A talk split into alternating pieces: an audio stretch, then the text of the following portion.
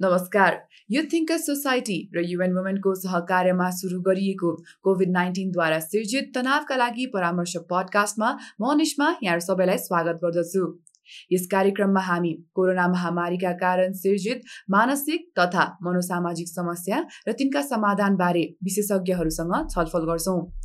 आजको यस एपिसोडमा हामी कोरोना महामारीका कारण ज्येष्ठ नागरिकमा देखा परिएको मानसिक मनोसामाजिक समस्या र तिनका समाधानबारे टिपिओ नेपालका मनोविमर्शकर्ता इन्दिरा प्रधानजीसँग छलफल गर्नेछौँ।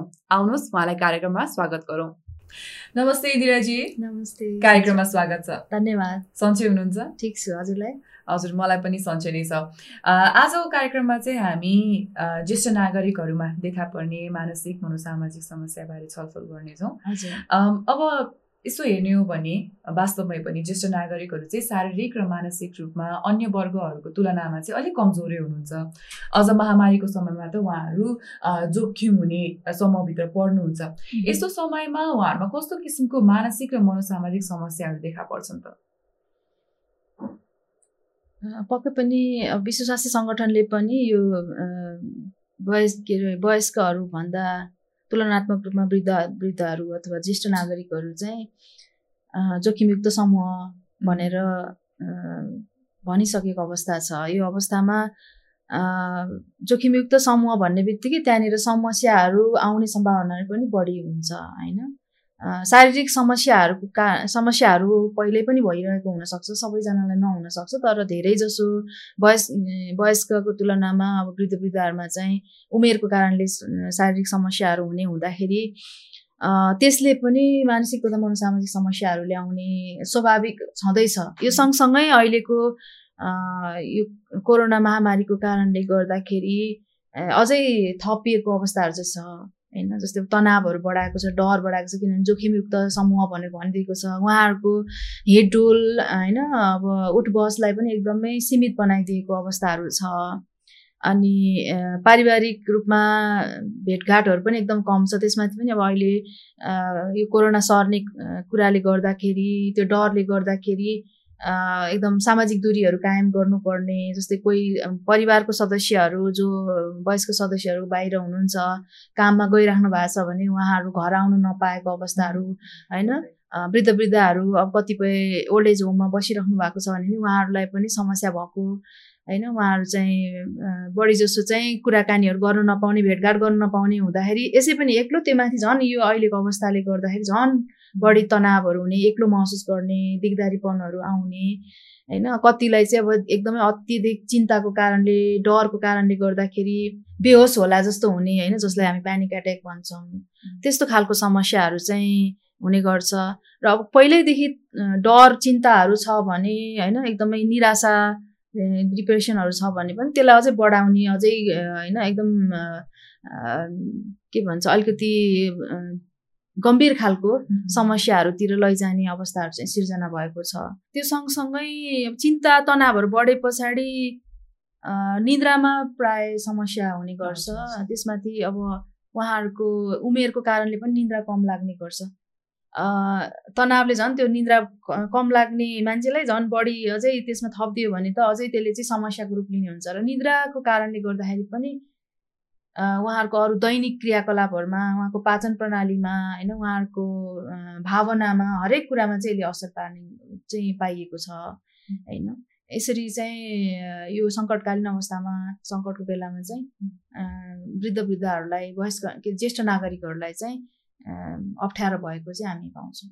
हजुर इन्दिराजीले अहिले यो प्रश्नको उत्तरमा पनि भन्नुभयो अहिले उहाँहरूको जुन बाहिर गएर घुलमिल गर्ने सामाजिक एउटा जुन हाम्रो व्यवस्थापन पहिलेदेखिको छ त्यो चाहिँ अलिक कम गरिदिएको छ उहाँलाई। अलिक अब स्वास्थ्यको हिसाबले हेर्ने हो भने महामारीको समयमा त बाहिर जान मिलेन र परिवारले त्यसरी नै राख्नु भएको छ यो गर्नाले चाहिँ थप उहाँहरूमा अरू कस्तो समस्या देखा परेको परेको छ त? अब यसले मैले अघि पनि भने होइन पक्कै पनि सामान्य व्यक्तिहरूलाई त गाह्रो भएको छ भने पछाडि उहाँहरूलाई त धेरै जसोहरूलाई चाहिँ पहिल्यैदेखि विभिन्न शारीरिक समस्याहरू भएर मानसिक स्वास्थ्य समस्याहरू पनि हुनसक्छ उहाँहरूलाई। त्यस्तो छ भने अहिलेको जुन यो एकदम सीमितताले गर्दाखेरि अप्ठ्यारोले गर्दाखेरि चाहिँ त्यसलाई अझै गम्भीरतातिर लैजा लगेको पनि पाउँछौँ हामी। त्यो स्वाभाविक रूपमा देखिन्छ। होइन?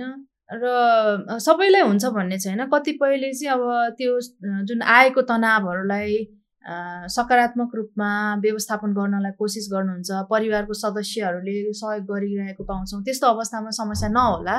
तर बढी जसो अब अहिले आर्थिक हिसाबले सामाजिक हिसाबले हरेक हिसाबले चाहिँ अहिले अप्ठ्यारो अवस्था छ। होइन त्यसले चाहिँ स्वाभाविक रूपमा जुन उहाँहरूमा भइरहेको समस्या छ त्यसलाई चाहिँ अझै बढी गम्भीर बनाउनलाई अझै बढाउनको लागि चाहिँ यसले भूमिका खेल्छ। होइन यो अवस्थाले खेलिरहेको अवस्था छ। है अनि अब मुख्यत उहाँहरूलाई चाहिँ एकदम हेल्पलेसनेस भन्छ नि एकदम नि असहायपन बढाउने एकदम निसा निराशापनहरू बढाउने। अनि अब निरन्तर रूपमा एउटै समस्या जस्तै तनाव पनि एक दिन भयो भने त्यो स्वाभाविक कुरा हो तर निरन्तर रूपमा रहिरह्यो भने त्यो चाहिँ एकदम क्रोनिक रूपमा अथवा गम्भीर रूपमा जाने हुने हुन्छ। अनि त्यसमा अब भनेको बेला सहायता पाइँदैन होइन सहयोग पाइँदैन। अनि अब हस्पिटलहरू जानुपर्ने छ भने पनि सहज रूपमा त्यो अवस्थाहरू छैन त्यसमाथि पनि कतिपय वृद्ध वृद्ध जुन वयस्क के अरे यो ज्येष्ठ नागरिकहरूमा चाहिँ सङ्क्रमण नै देखिरहेको अवस्थाहरू छ। त्यो बेलामा झन् अब आइसोलेट भएर एकदम एकान्तवास बस्नुपर्ने होइन छुट्टै बस्नुपर्ने हस्पिटल हस्पिटलमा भर्ना हुनुपर्ने कोही अरू आफन्तहरूले भेट्न नपाइने त्यस्तो बेलामा त झन् अझै तनावहरू अत्यास लाग्ने कुराहरू होइन? त्यो चाहिँ एकदम बढ्दै गइरहेको एकदम गम्भीर रूपमा आएको चाहिँ हामी पाउँछौँ। हजुर अझ झन् साथीभाइहरूलाई पनि भेट्न मिल्दैन अहिले होइन? त्यसले गर्दाखेरि अझ बढी निसासिएको जस्तो पनि हो निसासिएको हुन्छ। जस्तो चाडबाडहरू मनाउनकै लागि पनि पहिला जति रमाइलो हुन्थ्यो भेटघाटहरू गरेर होइन सबैजनाको सबैजनासँग कुराकानी गर्न पाउँथ्यो त्यो अवस्था छैन अहिले। होइन त्यसले गर्दाखेरि पनि एकदमै एका एक्लो महसुस चाहिँ गराउने हुन्छ। इन्दिराजी मनमा समस्या हुँदा तनाव डर अत्यास यस्तो भावनाहरू देखा पर्छन्। हाम्रो ज्येष्ठ नागरिकहरूले चाहिँ आफूले आफूलाई सहज बनाउन चाहिँ के कस्ता क्रियाकलापहरू गर्न सक्नुहुन्छ होला त्यस्तो समस्या देखेको बेलामा? पक्कै पनि निस्मा चाहिँ यस हरेक समस्याहरूको समाधान चाहिँ पहिला आफैबाट खोज्ने हो। आफैले नै गर्ने हो पहिला प्रयास अनि मात्रै अरूको सहयोग सकिएन भने मात्रै अरूको सहयोग लिने भन्ने हुन्छ होइन। साँच्चै व्यवहारमा पनि त्यही चलिआएको पनि छ। पहिलो कुरा जब यस्तो समस्याहरू आउँछ होइन ज्येष्ठ नागरिकहरू हुनुहुन्छ लगायत अरू जो कोहीले पनि पहिलो त यो नयाँ परिस्थितिमा सबै कुराहरू दैनिक क्रियाकलापहरू चाहिँ बिग्रिएको हुन्छ होइन रुटिनहरू बिग्रिएको हुन्छ। त्यो रुटिनहरूलाई चाहिँ पहिला सम्हाल्नु पऱ्यो अहिलेको परिस्थितिलाई हेरेर त्यसमा समायोजन गरेर होइन त्यसलाई मिलाएर चाहिँ पहिलो कुरा भने दैनिक क्रियाकलाप चाहिँ के गर्ने हो? कति बेला के गर्ने? कुन कुन कामहरू गर्ने हो? त्यो प्राथमिकता लाई हेरेर चाहिँ नयाँ दैनिक क्रियाकलापहरूलाई चाहिँ निर्धारण गर्न सकियो। पहिला रुटिन निर्धारण गर्नु पर्यो। होइन त्योभित्र विशेषतः मनसँग सम्बन्धित भावनात्मक समस्याहरू छ अथवा चिन्ता छ डर छ भने त्यो त्यसलाई कम गर्नको लागि जुन कुराले डर चिन्ताहरू पैदा गर्छ त्यसबाट टाढा हुन अथवा त्यसबाट निस्किनको लागि चाहिँ फरक खालको क्रियाकलापहरू गर्नु पर्यो। होइन जस्तै टिभी हेर्छौँ टिभी हेर्दाखेरि विभिन्न खालको न समाचार देखेर आफूलाई डर लाग्छ भने त्यो छोड्नु पऱ्यो बरु अरू काम गर्नु जस्तै भान्सामा काम गर्ने हुन सक्ला होइन? किताब पढ्ने हुन सक्ला त्यो कुराहरू भयो जस्तै अब हाम्रो ज्येष्ठ नागरिक समुदायमा चाहिँ बढी जसो सबैलाई म भन्दिनँ होइन? बढी जसो धार्मिक क्रियाकलापहरू गर्न एकदम मन पराउने म पाउँछु जता गए पनि गाउँघर सहर जता गए पनि होइन आफ्नो विश्वास अनुसारको आध्यात्मिक क्रियाकलापहरू गर्न सक्नुहुन्छ होइन? परिवारको सदस्यहरू सँग रहेर भजन कीर्तन गर्ने कुराहरू होला। होइन त्यो गर्न सकियो। योगा गर्न सक्नुहुन्छ उहाँहरूले। सामान्य खालको श्वास प्रश्वास प्रक्रिया मात्रै गर्नुभयो भने त्यसले चाहिँ आफ्नो फोक्सोमा आवश्यक पर्ने जुन श्वास प्रश्वास के भन्छ नि अक्सिजन हुन्छ त्यसले त्यो चाहिँ पूर्ति गर्नको लागि मद्दत पुग्छ। जसले गर्दा तनाव घटाउन मद्दत पुर्याउँछ। त्यो लगायत जस्तै अब घरमा परिवारको सदस्यहरू छन् साना नानीहरू छन् भने होइन सबैको नहुन सक्छ तर छन् भने केटाकेटीहरूसँग खेल्ने होइन? उनीहरूलाई चाहिँ आफ्नो समयको बारेमा आफ्नो अनुभवहरू बताउने ताकि उनीहरूले नि सिकोस् होइन? आफूलाई पनि हल्का हुन्छ। त्यस्तो खालको क्रियाकलापहरू गर्न सक्यो। सँगसँगै अब आफ्नो बल क्षमता अनुसार चाहिँ यसो बाहिर कामहरू गर्ने मतलब खेतबारीमा हुन सक्ला गार्डनमा हुन्छ नि बगैँचामा काम गर्ने सरसफाइ गर्ने कुराहरू होला होइन? फोनमा कुराकानी गर्न सक्ने कुराहरू हुन्छ।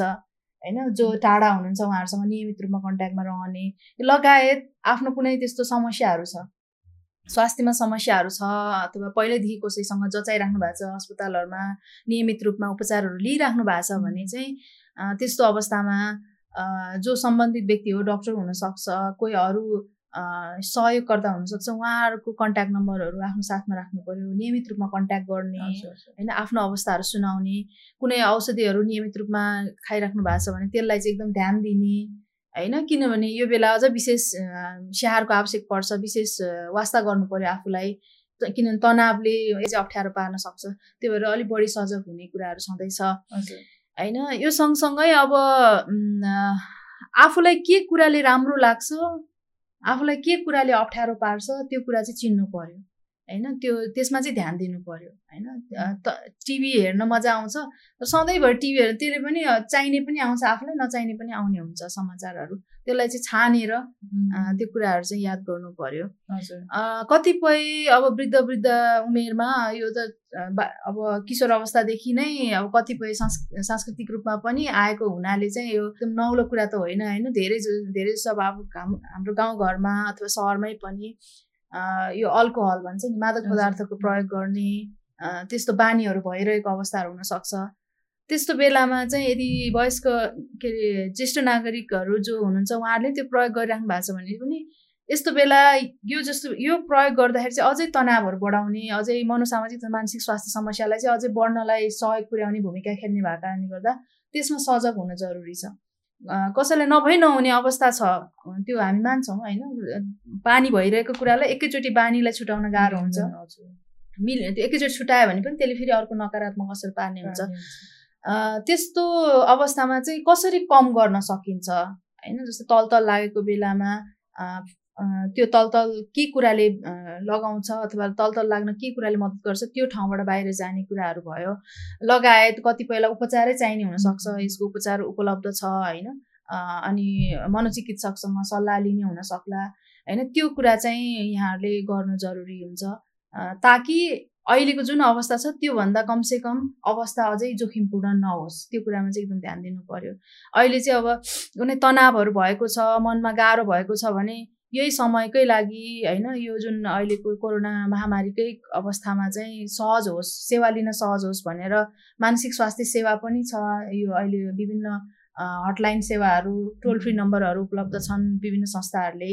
जस्तै हामी म टिपी नेपालमा काम गर्छु त्यहाँ त्यहाँको पनि टोल फ्री नम्बरहरू छ होइन हामी हप्ताको सातै दिन सेवा दिन्छौँ। त्यस्तै लगायत शारीरिक स्वास्थ्यकै लागि पनि विभिन्न अस्पताल अथवा स्वास्थ्य संस्थाहरूले यसका साथै व्यक्तिले पनि जो यो पेसामा हुनुहुन्छ चिकित्सा पेसामा हुनुहुन्छ स्वास्थ्य सेवामा हुनुहुन्छ उहाँहरूले व्यक्तिगत रूपमा पनि नम्बरहरू उपलब्ध गराउनु भएको छ। उहाँहरूको त्यो कन्ट्याक्ट नम्बरहरू पनि तपाईँहरूले आफ्नो साथमा राखेर सेवा लिन सक्नुहुन्छ।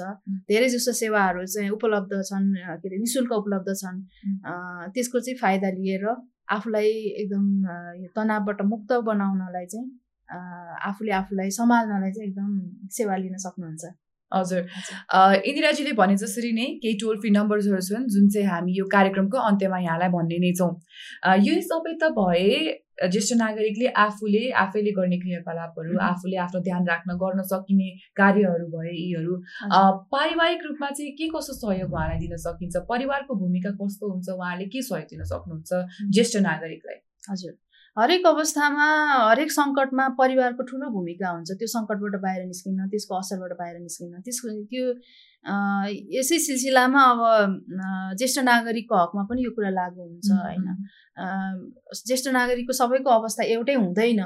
होइन उहाँहरूको शारीरिक अवस्था स्वास्थ्यको अवस्थाले मानसिक स्वास्थ्यको अवस्थाको कारणले गर्दाखेरि विभिन्न अप्ठ्याराहरू हुन सक्छन् उहाँहरूलाई। त्यसो हुँदाखेरि परिवारको सदस्यको एकदमै ठुलो भूमिका हुन्छ उहाँहरूलाई सन्तुलित रूपमा खुसी राख्न सन्तुलित राख्न अथवा उहाँहरूलाई स्वस्थ राख्नको लागि ठुलो भूमिका हुन्छ। पहिलो कुरा यसमा यो भूमिकाहरूभित्र चाहिँ पहिलो कुरा भनेको के भइरहेको छ? अहिले के भइरहेको छ भन्ने बारेमा सही सत्य जानकारी दिनु पर्यो ताकि उहाँहरूको तनावको स्तर नबढोस्। होइन? अनि कतिपय नबुझेको कुराहरू छ भने त्यो कुरालाई राम्ररी मित्रवत रूपमा बुझाउने होइन? जानकारीहरू दिने उहाँहरूलाई व्यावहारिक रूपमा सहयोग गर्ने कुराहरू छ। कतिपय अहिले त अब एकदम डिजिटल एज भन्छ होइन? अब स्मार्टफोनहरू आइरहेछ तर उहाँहरूले त्यो चलाउन नजान्ने हुनसक्छ। त्यो नजानेको कारणले गर्दा उहाँले चाहेको जानकारीहरू प्राप्त गर्न सक्ने। अहिले त अब कतिपय कतिपय होइन प्राय अब एकदमै अनिवार्य जस्तै भइसक्यो। होइन विभिन्न सामाजिक सञ्जालहरूको माध्यमबाट नै अब टाढा रहेका सदस्यहरूसँग सम्पर्क गर्ने त्यसमा चाहिँ उहाँहरूलाई सहयोग दिन सहयोग गर्न सकियो जुन चाहिँ उहाँहरूलाई थाहा नहुन सक्छ ताकि उहाँहरूलाई एक्लो महसुस नहोस् होइन? यसको साथसाथै अब जब मान्छेलाई चिन्ता हुन्छ डर हुन्छ अथवा कुनै पनि प्रकारको मानसिक तथा मनोसामाजिक समस्याहरू हुन्छन् त्यसको लक्षण भनेकै भावनात्मक रूपमा व्यवहारमा देखाउँछ। व्यवहारबाट चिन्ने हो। कुनै शारीरिक त्यस्तो चोट लाग्ने घाउ लाग्ने हुँदैन।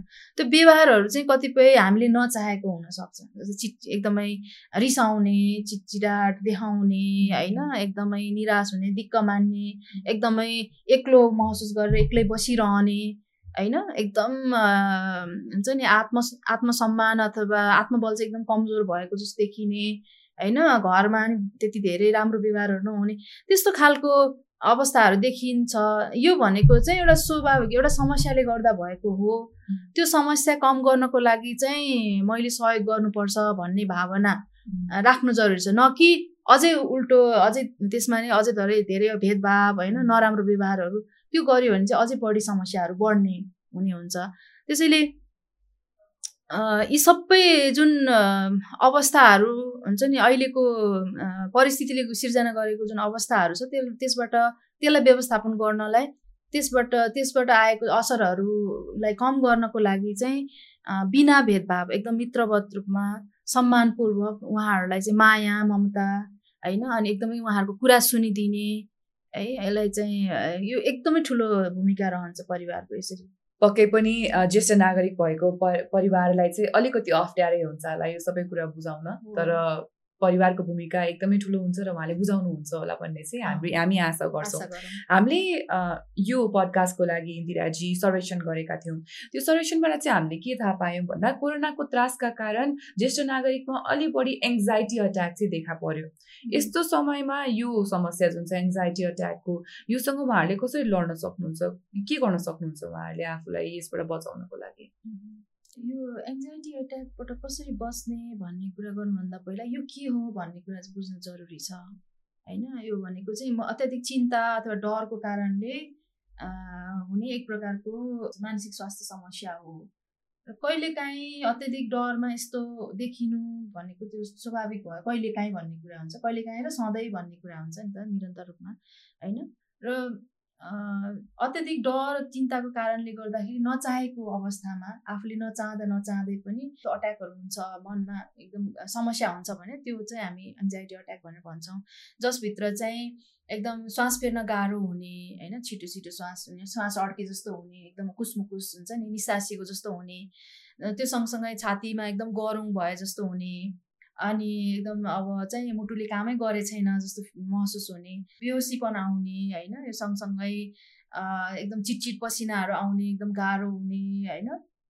छटपट्टिहरू हुने कहाँ जाउँ के गरौँ हुने होइन? यो सँगसँगै अब कतिपयलाई चाहिँ अलिक बढी नै गाह्रो भएको छ भने दिसा पिसाबहरू नै नियन्त्रण गर्न गाह्रो हुने त्यस्तो अवस्थाहरू चाहिँ आउँछ जब केही समयको लागि केही समयको लागि सधैँभरि त्यस्तो हुँदैन। केही त्यस्तो कुनै त्यस्तो बजाउने चिजहरू हुनसक्छ त्यो तनावलाई बढाउने चिजहरू हुन्छ त्यसको त्यसको असर परिसके पछाडि यसरी लक्षणहरू चाहिँ देखिन्छ। कसरी यसलाई चाहिँ सामना गर्ने भन्ने कुरा थियो होइन। मुख्य कुरा चाहिँ अघि मैले भनिहालेँ यो चाहिँ तनाव अथवा डरको कारणले हुन्छ। त्यो कुरा यो यदि त्यस्तो सम लक्षणहरू देखिएको छ आफूलाई गाह्रो भएको छ भने पहिलो कुरा त्यो बुझ्नु पर्यो। त्योभन्दा पनि अगाडि यदि शारीरिक कुनै समस्या छ कि छैन त? होइन? शारीरिक समस्या छ कि छैन त? भनेर पनि चे चेक जाँच गराउनु चाहिँ जरुरी छ पहिला। है जस्तै अब यदि छाती दुखेको छ गाह्रो सास फेर्न गाह्रो भएको छ भने त कतिपय अवस्थामा अब हृदयघात हुने अथवा मुटुसँग सम्बन्धित श्वास प्रश्वाससँग सम्बन्धित समस्याहरूको कारण त्यस्तो हुनसक्छ नि। त्यो कुरालाई चाहिँ पहिला निर्खेल गर्नु पर्यो निर्णय गर्नु पर्यो स्वास्थ्य कर्मीहरूसँग भेट गर्नु पर्यो टेस्टहरू गर्नु पर्यो त्यो एउटा कुरा छ भने यदि त्यो त्यो चाहिँ त्यस्तो खालको समस्या केही पनि होइन सबै कुरा यो होइन यो ब्लड प्रेसर भन्छ नि रक्तचाप पनि एकदमै सामान्य छ मुटुको अवस्था फोक्सो होइन श्वास प्रश्वासको अवस्थाहरू सबै ठिक छ तर त्यस्तो समस्या भइरहेछ भने त्यो रियल हो फेरि। त्यो त्यत्तिकै बाहना गरेको त्यस्तो चाहिँ होइन है। यो समस्या साँच्चै भएको हो त्यो कुरालाई अरूले पनि बुझिदिनु पर्यो र आफूले पनि त्यसलाई स्वीकार्नु चाहिँ पर्यो है। र यी सबै कुराहरू क्लियर भइसकेपछि स्पष्ट भइसके पछाडि चाहिँ आफूलाई आफूलाई भएको समस्याहरूको जड कहाँ हो? अथवा कहाँबाट सुरुवात भयो? त्यसलाई खोतल्ने बुझ्ने होइन? विश्लेषण गर्ने कुराहरू पहिला हामीले आफैले गर्नुपर्ने हुन्छ ताकि त्यसलाई कसरी व्यवस्थापन गर्ने त्यसलाई कसरी सामना गर्ने भनेर निर्णय गर्न सजिलो हुन्छ यसमा चाहिँ है। त्यस पछाडि जब चिनिन्छ कारण पत्ता लगाइन्छ त्यस पछाडि एकदम तपाईँलाई त्यो यो जुन समस्या छ त्यसको लक्षणहरू देखिन थाले पछाडि जहाँ बसेर ज बस्दाखेरि तपाईँलाई गाह्रो हुन्छ त्यो ठाउँ चाहिँ तुरुन्तै छोडिहाल्ने। होइन? एक्लै नबस्ने। होइन? कसैसँग कुराकानी गर्ने आफ्नो भावनाहरू कुनै दबिएको भावनाहरू छ भने लेखपढ गर्न जान्नुहुन्छ भने लेख्ने। लेखपढ गर्न जान्नु नहुने पनि हुनसक्छ कतिपय अवस्थामा गाउँघरमा होइन हाम्रो बुवा आमाहरू नपढेको पनि हुनसक्छ। त्यस्तो हो भने कतिपय अवस्थामा आफ्नो मन मिल्ने व्यक्तिहरू साथी अथवा कोही आफन्तहरू हुन सक्ला उहाँसँग त्यो कुराहरू गर्न सकिन्छ। किनभने यो चिन्ता डरकै कारणले हुने हो नि त। त्यो के बारेमा डर छ के बारेमा चिन्ता छ भन्ने कुरा जब हामी भन्छौँ अनि त्यसले चाहिँ हामीलाई एकदमै सहयोग पुर्याउँछ यो समस्याबाट बच्नको लागि। यो सँगसँगै अब कुनै त्यस्तो कुल एकदम कुलतहरू छ होइन? जहाँ रक्सी सेवन गर्ने त्यस्तो छ भने यस्तो समस्या भएको व्यक्तिलाई अझै अझै अझै गाह्रो हुन्छ होइन? त्यो कुरालाई पनि ध्यानमा राख्नु पर्यो होइन? छ भने पनि एकैचोटि छोड्न नसके पनि त्यसलाई चाहिँ कम गराउनु पर्यो होइन? कतिपय अब आफूलाई मनपर्ने कामहरू गर्न सक्यो होइन? घरमै पनि आफूले जे सक्छ ठुलै काम गर्नुपर्छ भने चाहिँ जे सक्छ त्यो काम गर्ने ताकि आफूलाई व्यस्त राख्ने होइन? अनि सँगसँगै यसमा चाहिँ विभिन्न खालको अलिकति आरामदायी अभ्यासहरू गर्ने हुनसक्छ योगै हुनसक्छ। यदि त्यस्तो खालको अब कुनै त्यस्तो सुविधाहरू छैन भने चाहिँ शारीरिक काम गर्ने कुनै होइन? अब आफ्नो दैनिक कामहरू जे छ गाउँघरमा अथवा सहरमा छुट्टै खालको होला होइन? आफ्नो परिस्थिति अनुसार चाहिँ आफूलाई व्यस्त राख्ने मन र शरीरलाई व्यस्त राख्ने खालको क्रियाकलापहरू चाहिँ गरेर होइन यो सँगसँगै अब ध्यान गर्ने कुराहरू छ होइन आफूलाई के मनपर्छ त्यो कुरा चाहिँ चिनेर क्रियाकलापहरू गर्न सक्यो यसले सामना गर्नको लागि है आजको यो एपिसोडमा हामीले थुप्रै नै महत्त्वपूर्ण कुराहरू गऱ्यौँ होइन। अब कस्तो भन्दाखेरि अहिलेको समयमा बन्दाबन्दीको कारणले चाहिँ मानसिक अथवा मनोसामाजिक समस्या भएको समयमा भनौँ। थुप्रै ज्येष्ठ नागरिकहरूले चाहिँ सेवा लिन जान चाहिँ अलिक अप्ठ्यारो पर्न सक्छ। यस्तो समयमा उहाँहरूले कता सम्पर्क गर्न सक्नुहुन्छ त इन्दिराजी। अहिले तपाईँले भन्नुभयो जस्तै ज्येष्ठ नागरिकलाई मात्रै नभइकन सबैलाई नै समस्या भइरहेछ सेवाहरू स एकदम सजिलो सरकारी लिनको लागि। यो अवस्थामा सेवा लिन न नसक्ने भन्ने पनि होइन लिन मिल्छ। अहिले चाहिँ आफै भौतिक रूपमा उपस्थित भएर सेवा लिन नसकेको अवस्थामा चाहिँ विभिन्न सङ्घ संस्थाहरूले लगायत अस्पतालहरूले सेवा प्रदायकहरूले चाहिँ अ, अहिले टेलिफोन मार्फत होइन अनलाइन प्लेटफर्महरूलाई प्रयोग गरेर आफ्नो सेवाहरू सुचारु गरिराख्नु भएको छ होइन? त्यसमध्ये मानसिक स्वास्थ्य मानसिक तथा मनोसामाजिक सुस्वास्थ्यको क्षेत्रमा चाहिँ विभिन्न यो मानसिक स्वास्थ्यसँग सम्बन्धित सेवा प्रदान गर्ने ठुला तथा साना अस्पतालहरू स्वास्थ्य केन्द्रहरू अनि विभिन्न गैर सरकारी तथा सरकारी सङ्घ संस्थाहरू अनि जो यो सेवा प्रदान गर्दै आइरहनु भएको छ उहाँहरूले पनि आफ्नो आफूलाई सम्पर्क गर्न सक्ने होइन आफ्नो. सेवा लिनको लागि सम्पर्क गर्न सक्ने विभिन्न माध्यमहरू चाहिँ अहिले व्यवस्थापन गरिराख्नु भएको छ उहाँहरूले विशेष गरी जस्तै म आफै संलग्न भएको संस्थाले पनि टिपियु नेपालले पनि. अहिले चाहिँ हामी टोल फ्री नम्बरहरू प्रयोग हजुर टोल फ्री नम्बर मार्फत हामीले नियमित रूपमा सेवाहरू प्रदान गरिरहेछौँ. त्यस्तै अहिले मा यो मानसिक स्वास्थ्यसँग सम्बन्धित सेवाहरू दिनको लागि आत्महत्या रोकथामसँग सम्बन्धित सेवाहरू दिनको लागि यो मानसिक स्वास्थ्य अस्पताल लगन खेलले पनि नयाँ भर्खरै यो टोल फ्री नम्बर के भन्छ हेल्पलाइन नि शुल्क हेल्पलाइन सेवा सुचारू गरेको छ। जस्तै एघार छैसठी भनेर नम्बर एकदम सजिलो नम्बर दिनुभएको छ। त्यहाँ तपाईँहरूले नि शुल्क रूपमा सम्पर्क गर्न सक्नुहुन्छ एनटिसीहरूबाट एनटिसीको नम्बरबाट। त्यस्तै कोसिस नेपालले पनि अहिले चाहिँ यो मनोवैज्ञानिक प्राथमिक प्राथमिक मनोवैज्ञानिक सहयोग तथा मनोविमर्श सेवाहरू चाहिँ प्रदान गरिरहेको छ। यो चाहिँ यहाँ केन्द्र बा केन्द्र सँगसँगै यो के भन्छ प्रदेश नम्बर दुई अनि प्रदेश नम्बर सातमा पनि छुट्टा छुट्टै रूपमा चाहिँ उहाँहरूले सेवालाई सेवा प्रदान गर्नको लागि त्यहाँ पनि यो हेल्पलाइनहरू प्रदान गरेको अवस्थाहरू चाहिँ हामी हामीले थाहा थाहा पाएका छौँ। त्यो लगायत होइन त्रिभुवन युनिभर्सिटी त्रिभुवन विश्वविद्यालय शिक्षण अस्पतालले पनि अहिले आत्महत्या रोकथाम लाई सहायता दिनको लागि भनेर भर्खरै हटलाइन सेवा सञ्चालन गरेको छ यो भने मतलब चौबिसै घन्टा त्यहाँनिर तपाईँहरूले आवश्यकता अनुसार कन्ट्याक्ट गर्न सक्नुहुन्छ। यी त भए विशेषज्ञ सहयोग लिनको लागि दिएका होइन सेवाहरू भयो। होइन यो सँगसँगै योभन्दा अगाडि होइन यो सेवाहरू लिनुभन्दा अगाडि र यसको साथसाथै चाहिँ पहिलो त आफूले पनि स्याहार गर्नु पऱ्यो आफूले ध्यान दिनु पऱ्यो आफ्नो समस्या समाधान गर्नको लागि व्यवस्थापन गर्नलाई सँगसँगै परिवारले पनि सेवा दिनु सहयोग गर्नुपर्ने भन्ने कुरा अघि नै हामीले चर्चा गरिसकेका छौँ।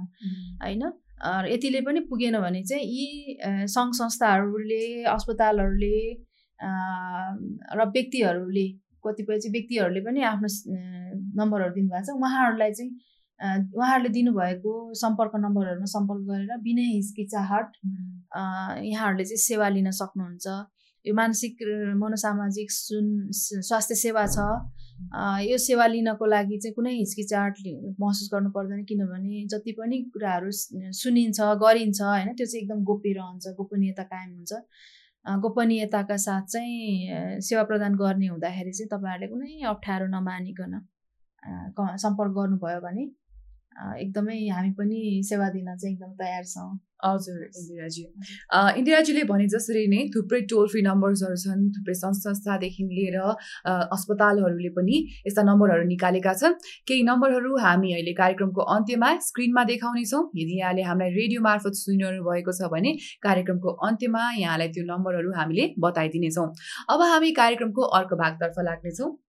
तथ्य वा अफवा। अब हामी नेपाली परिवारमा चाहिँ विशेष रूपमा कस्तो सोच छ भन्दाखेरि हामीलाई कुनै रोग लागेको छ भने त्यसको सबैभन्दा पहिलो औषधि भनेको हामीहरू सबैजनाको भान्सा घरमा हुन्छ। कोभिड नाइन्टिनको कुरामा पनि त्यही नै नयाँ नयाँ कुरा निक्लेको छ। जस्तै अदुवा भनौँ मरिच होइन बोझो मह यस्तो कुराहरू खानाले चाहिँ कोभिड नाइन्टिनबाट चाहिँ हामी बच्न सक्छौँ अथवा यसले कोभिड नाइन्टिन निको पार्छ भन्ने कुरा चाहिँ अहिले समुदायमा फैलिएको छ। साथै लसुन र बेसार जस्तो खानेकुरा खाँदाखेरि चाहिँ हामी कोभिड नाइन्टिनबाट बच्न सक्छौँ भन्ने कुरा पनि अहिले समुदायमा सुन्निन आएको छ। यो तथ्य हो कि अफवा यी जुन तपाईँले भन्नुभएको यी चिजबिजहरू जो छ होइन अदुवा लसुन बोजो मरिच यो चाहिँ अब सधैँ नै हामी दैनिक जसै प्रयोग गरिरहेको हाम्रो आयुर्वेदिक हिसाबले होइन प्रयोग गरिरहेको चिजहरू हो। यो स्वास्थ्यको हिसाबले चाहिँ अब लाभदायक छ भन्ने कुरा त छँदैछ होइन। तर अब यो कोभिड नाइन्टिनको सन्दर्भमा चाहिँ यसैले निको पार्छ भन्ने कुरा चाहिँ केही प्रमाणहरू छैन। अहिलेसम्म विश्व स्वास्थ्य सङ्गठनले पनि भनिरहेको छ कि कोभिड नाइन्टिनको जुन छ कोरोना भाइरससँग सम्बन्धित कुनै पनि औषधिहरू अहिलेसम्म प्रमाणित भएर आइसकेको छैन। अनुसन्धान गरिरहेको अध्ययनहरू गरिरहेको खोज गरिरहेको र त्यसमा धेरै प्रयासहरू भइरहेको भन्ने कुरा हामी बारम्बार सुनिरहेका छौँ। त्यसैले आफूलाई ख्याल राख्न होइन आफूलाई स्याहार गर्न लाई यी प्रयोग यी चिजहरू प्रयोग गर्नलाई केही छैन होइन हामी गर्न सक्छौँ गरिरहेका पनि छौँ। तर यसले चाहिँ निको पार्छ भनेर हामीले अहिले भन्न सक्ने अवस्था चाहिँ छैन। भोलि अब अध्ययनहरू भयो त्यो प्रमाणित भयो भने त्यो बेला छुट्टै कुरा भयो। तर अहिले नै चाहिँ यसरी यसले नै निको पार्छ भन्ने कुरा प्रमाण नभए पछाडि त्यसमा भर परेर अब गऱ्यो भने भोलि अर्को समस्याहरू आउन सक्ला झन् बढ्न सक्ला होइन? त्यसैले प्रमाणित नभएको कुरामा भर पर्नुभन्दा पनि होइन अब आफूलाई जोगाउनको लागि सचेत हुनु लगायत होइन सजगता अप्नाउनु नै सबैभन्दा सावधानी अथवा बुद्धिमानी हुनसक्छ हजुर इन्दिराजी भनेपछि यो अफवाह हो। अफवाह हो। अब हामी हाम्रो कार्यक्रमको अर्को भागतर्फ जानेछौँ।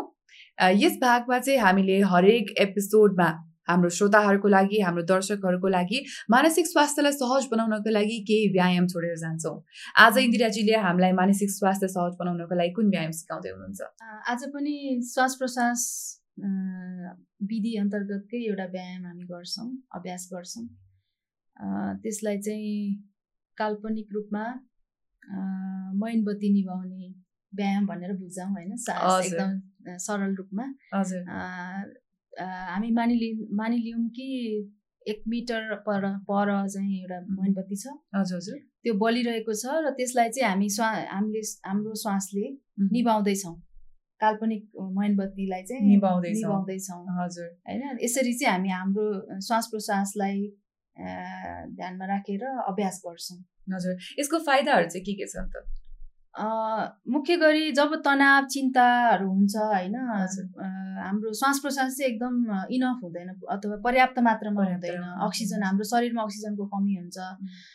अनि तनावहरू चिन्ताहरू भएपछि अब हामी पनि अनुभव गरेकै छौँ पक्कै पनि होइन जब। चिन्ता हुन्छ एकदम छिटो छिटो श्वास प्रश्वासहरू हुने गर्छ जसले गर्दा जति फोक्सोले काम गर्नुपर्ने हो त्यति चाहिँ त्यो क्षमता अनुसारको चाहिँ काम गर्न सक्दैन भइरहेको। भइरह हुँदैन जसले गर्दाखेरि चाहिँ हामीले हाम्रो जुन मस्तिष्कले जुन तरिकाले हामीलाई सहयोग गर्नुपर्ने हो काम गर्नुपर्ने हो होइन सृजनशीलता ल्याउनु पर्ने हो त्यो हुँदैन।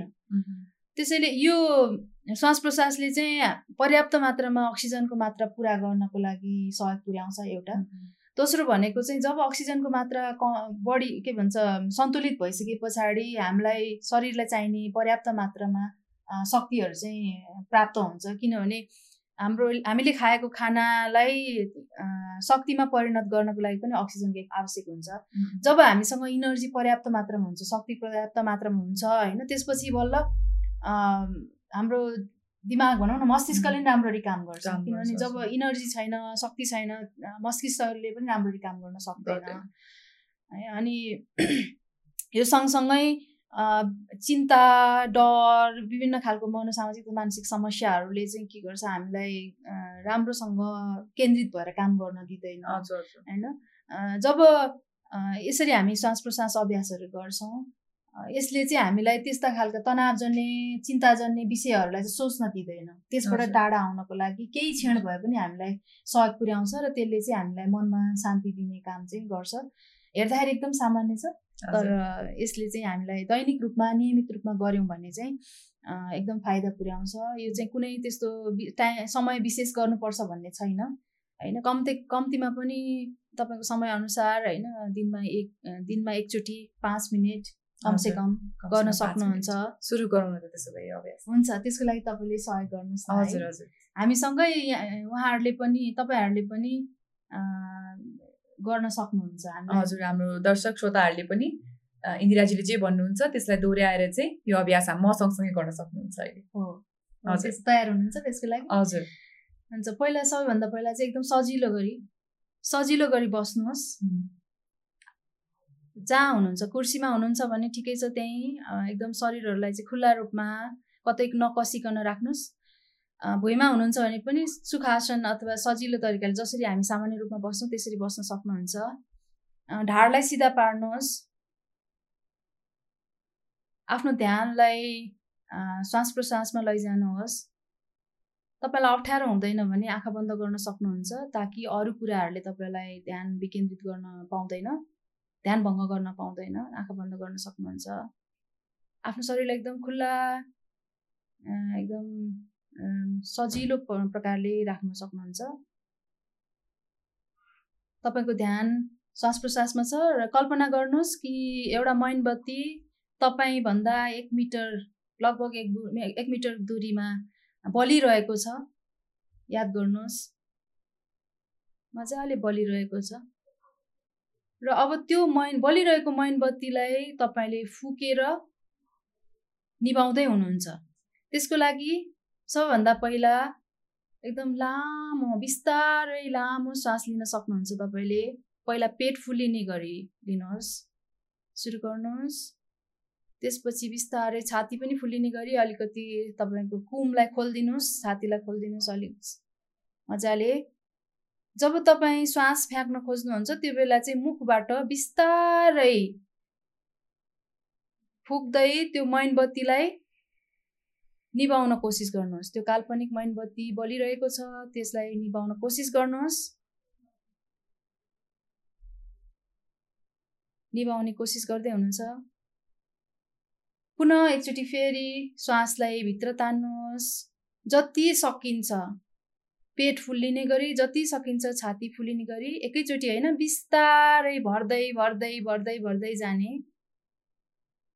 र पुनः श्वास बाहिर फ्याँक्ने बेलामा त्यो मैनबत्तीलाई सकेसम्म यही सासमा निभाउने गरी कोसिस गर्नुहोस्। सकेसम्म तपाईँको श्वास पर पुर्याउने कोसिस गर्नुहोस्। अब आजलाई हामी यति नै गर्छौँ। बिस्तारै आँखा खोल्न सक्नुहुन्छ। तपाईँलाई धेरै धन्यवाद। कस्तो लाग्यो?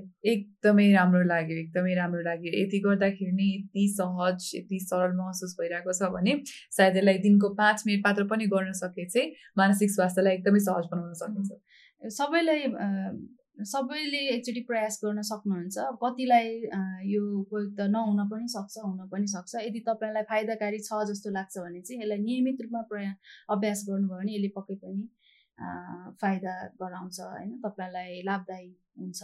हजुर। इन्दिराजी आजको यस एपिसोडमा हामीले ज्येष्ठ नागरिकहरूमा देखिने मानसिक मनोसामाजिक समस्या तिनका समाधानबारे चाहिँ छलफल गऱ्यौँ। यहाँले जति पनि कुराहरू आज राख्नुभयो मानसिक स्वास्थ्य सम्बन्धी ती सुनेर चाहिँ पक्कै पनि हाम्रो दर्शक श्रोताहरूलाई आफ्नो मानसिक स्वास्थ्यलाई सहज गर्न मद्दत पुर्याउँछ भन्ने हामी आशा गर्छौँ। यहाँको समयको लागि धेरै धेरै धन्यवाद। मलाई पनि यो अवसर जुटाइदिनु भएकोमा धेरै धेरै धन्यवाद। एकदमै खुसी छु। हामीले यस पडकास्ट मार्फत मानसिक स्वास्थ्य सम्बन्धी चेतना ल्याउने मूल उद्देश्य राखेका छौँ। यस पडकास्ट मार्फत यहाँहरूले मानसिक तथा मनोसामाजिक समस्या र तिनका समाधानबारे जानकारी पाउनुभयो होला भन्ने हामी आशा गर्छौँ। यो पडकास्टलाई निरन्तर रूपमा सुनिराख्न यहाँले युथ थिङ्कर सोसाइटीको वेबसाइट र वाइटिएस केयरको सामाजिक सञ्जालमा हामीलाई भेटाउन सक्नुहुन्छ। यति मात्र नभए हामीले प्रदेश नम्बर दुई र सुदूरपश्चिम प्रदेशको रेडियोमा पनि यो कार्यक्रम प्रसारण गर्नेछौँ। प्रदेश नम्बर दुईका लागि रेडियो बिरगन्ज र रेडियो मिथिलाञ्चल साथै सुदूरपश्चिम प्रदेशको लागि दिनेश एफएम र रेडियो सुदूर आवाजमा यहाँले हामीलाई सुन्न सक्नुहुन्छ। यस कार्यक्रमप्रति यहाँको कुनै गुनासा अथवा जिज्ञासाहरू रहेमा क्याप्सनमा दिएको प्रतिक्रिया फारम भरेर हामीलाई जानकारी गराउन सक्नुहुन्छ। कोभिड नाइन्टिनद्वारा सिर्जित तनावका लागि परामर्श पडकास्टमा हामीले मनोसामाजिक समस्या मानसिक समस्या त्यसको बारेमा रहेका जिज्ञासाहरू बारेमा विशेषज्ञहरूसँग छलफल गर्दछौँ।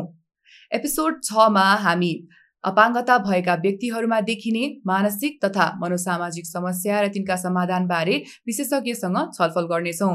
त्यसैले सामाजिक सञ्जाल मार्फत हामीहरूसँग जोडिरहनु हुन यहाँहरूमाझ आग्रह गर्दछु। यदि यहाँहरूलाई कुनै मानसिक अथवा मनोसामाजिक समस्या भएमा यहाँले डिपिओ नेपालको टोल फ्री नम्बरमा सम्पर्क गरेर मद्दत माग्न सक्नुहुन्छ। डिपिओ नेपालको टोल फ्री नम्बर रहेको छ एक छ छ शून्य एक शून्य दुई शून्य शून्य पाँच। यो सेवा बिहान आठ बजेदेखि बेलुका छ बजेसम्म उपलब्ध छ। थप यहाँहरूले कोसिस नेपालको टोल फ्री नम्बरमा पनि सम्पर्क गरेर मद्दत माग्न सक्नुहुन्छ। प्रदेश नम्बर दुईको लागि उहाँहरूको नम्बर रहेको छ एक छ छ शून्य तिन तिन पाँच दुई शून्य एक एक। सुदूरपश्चिम प्रदेशको लागि उहाँहरूको नम्बर रहेको छ एक छ छ शून्य एक शून्य पाँच छ सात एक पाँच। बागमती प्रदेशको लागि उहाँहरूको नम्बर रहेको छ एक छ छ शून्य एक दुई दुई तिन दुई दुई। आत्महत्या रोकथामको लागि मानसिक अस्पताल लगनखेलको नम्बर रहेको छ। एक एक छ छ। यी सबै सेवाहरू निशुल्क छन्। यति भन्दै आजको पडकास्टबाट म निष्मा चौधरी यहाँहरूबाट बिदा माग्न चाहन्छु। नमस्ते।